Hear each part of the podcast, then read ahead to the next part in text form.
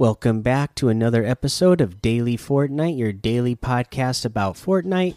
I'm your host, Mikey, aka Mike Daddy, aka Magnificent Mikey. So, here's a little piece of news for you an update uh, with the whole Apple versus Epic thing. So, Apple will no longer allow users to sign into Fortnite using Sign In with Apple as soon as September 11th, 2020 if you used sign in with Apple, please make sure your email and password are up to date. So, uh, as of we as we know, you've been able to still play the version 13.40 from last season on uh, mobile. You were able to access that still, uh, but that is, uh, you know, not going to be a thing you're going to be able to do anymore. So you need to go in. Uh, and log in to Epic Games and change your Apple password so you're not signing in with your Apple ID uh, and make it so that you're signing in uh, with you're you're signing in through an Epic account.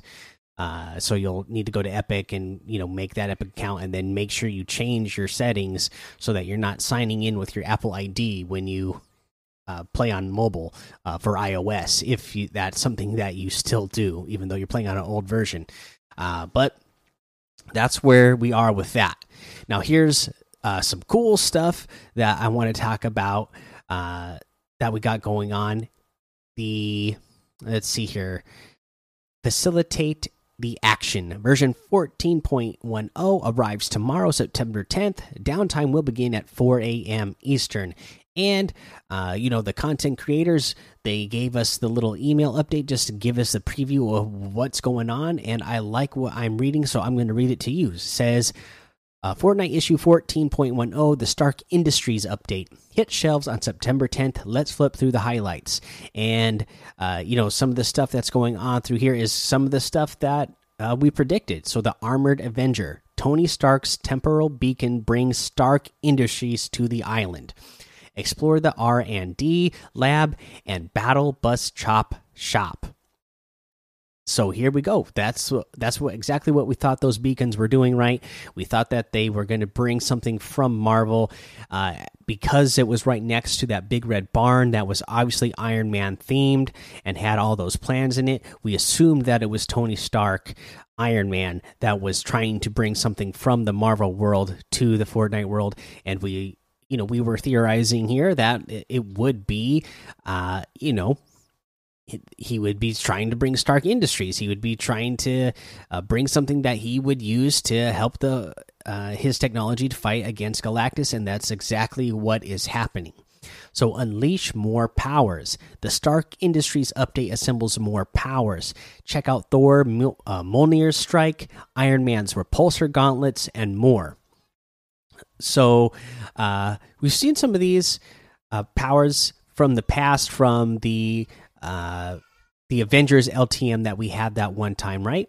So uh, if you go back to that, that's when you could probably see some of these powers that we are going to expect to see uh, added in the game.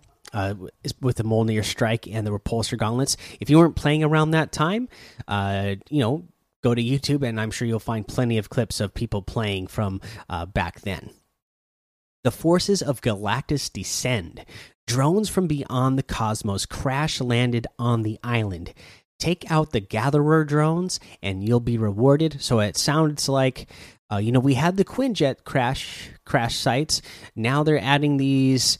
Uh, it sounds like they're going to be again. I wonder if these are going to work like Marauders uh, or if it's going to be like the Quinjets, where we, you know, with the Quinjets, we know exactly where they are every match. Uh, with the Marauders, they just crash landed randomly, and these saying that these drones are crash landing. So I'm wondering if they're going to be in a specific spot, or you know, if Galactus is just going to be sending them down, crash landing at random like the Marauders uh, we had last season. We'll have to see. I was not a fan of Marauders, so uh, and we already have the Quinjet Stark robots on the map, so. If we're just adding more to the map, I don't know if I'm too excited about that. I don't want more, you know, non player enemies that I have to fight on the map.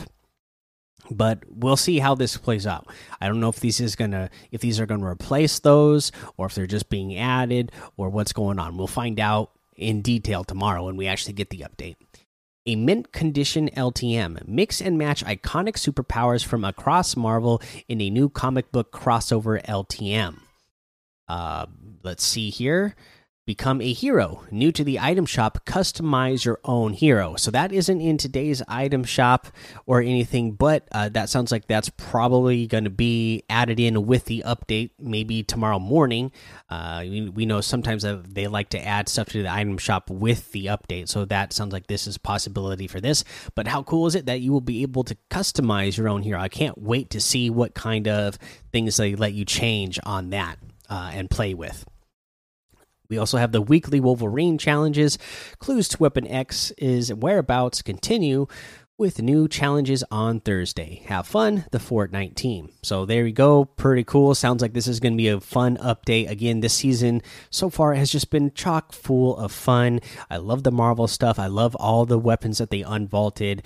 You know, a lot of the stuff that just brings good content with the bounce, uh, uh the the bouncers, the the shockwave grenades, the uh, boogie bombs, just a lot of fun stuff this season. You know, obviously the the superpowers, and it sounds like we're getting more superpowers. So a lot of a lot of fun stuff. I'm excited for this uh, update, and uh, you know.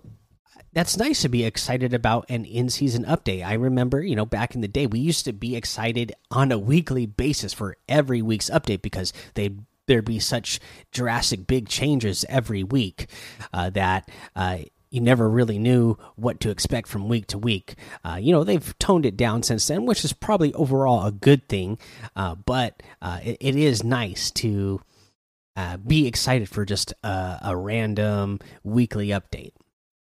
Now let's see here.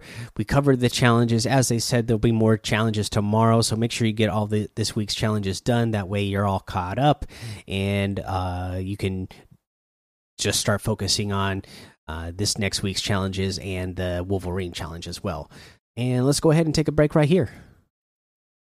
All right, so let's go over today's item shop. And uh, I like today's item shop. We have the Stoneheart outfit with the Wings of Love backbling for 1500, the Cupid's Daggers harvesting tool for 800, the uh, Cozy Chomps outfit with the Shark Sharky Shawl backbling for 1200, uh, the Comfy Chops outfit with the Overbite backbling for 1200 and the Sail Shark glider for 1500. We have the Axo outfit with the neon backboard back bling for 1200. The Axolotl a harvesting tool for 500. The Brine outfit with the coral cowl back bling for 1200. The Lapis Trident for 500. Uh, we have the Airhead outfit for 1200 the Jungle Scout outfit for 800, the Bold Stance emote for 500, the Cap Kick emote for 200, the Well Rounded emote for 500, the Sunsprout back bling for 200, and of course the Hulk Smasher's harvesting tool is still here as well for 1200.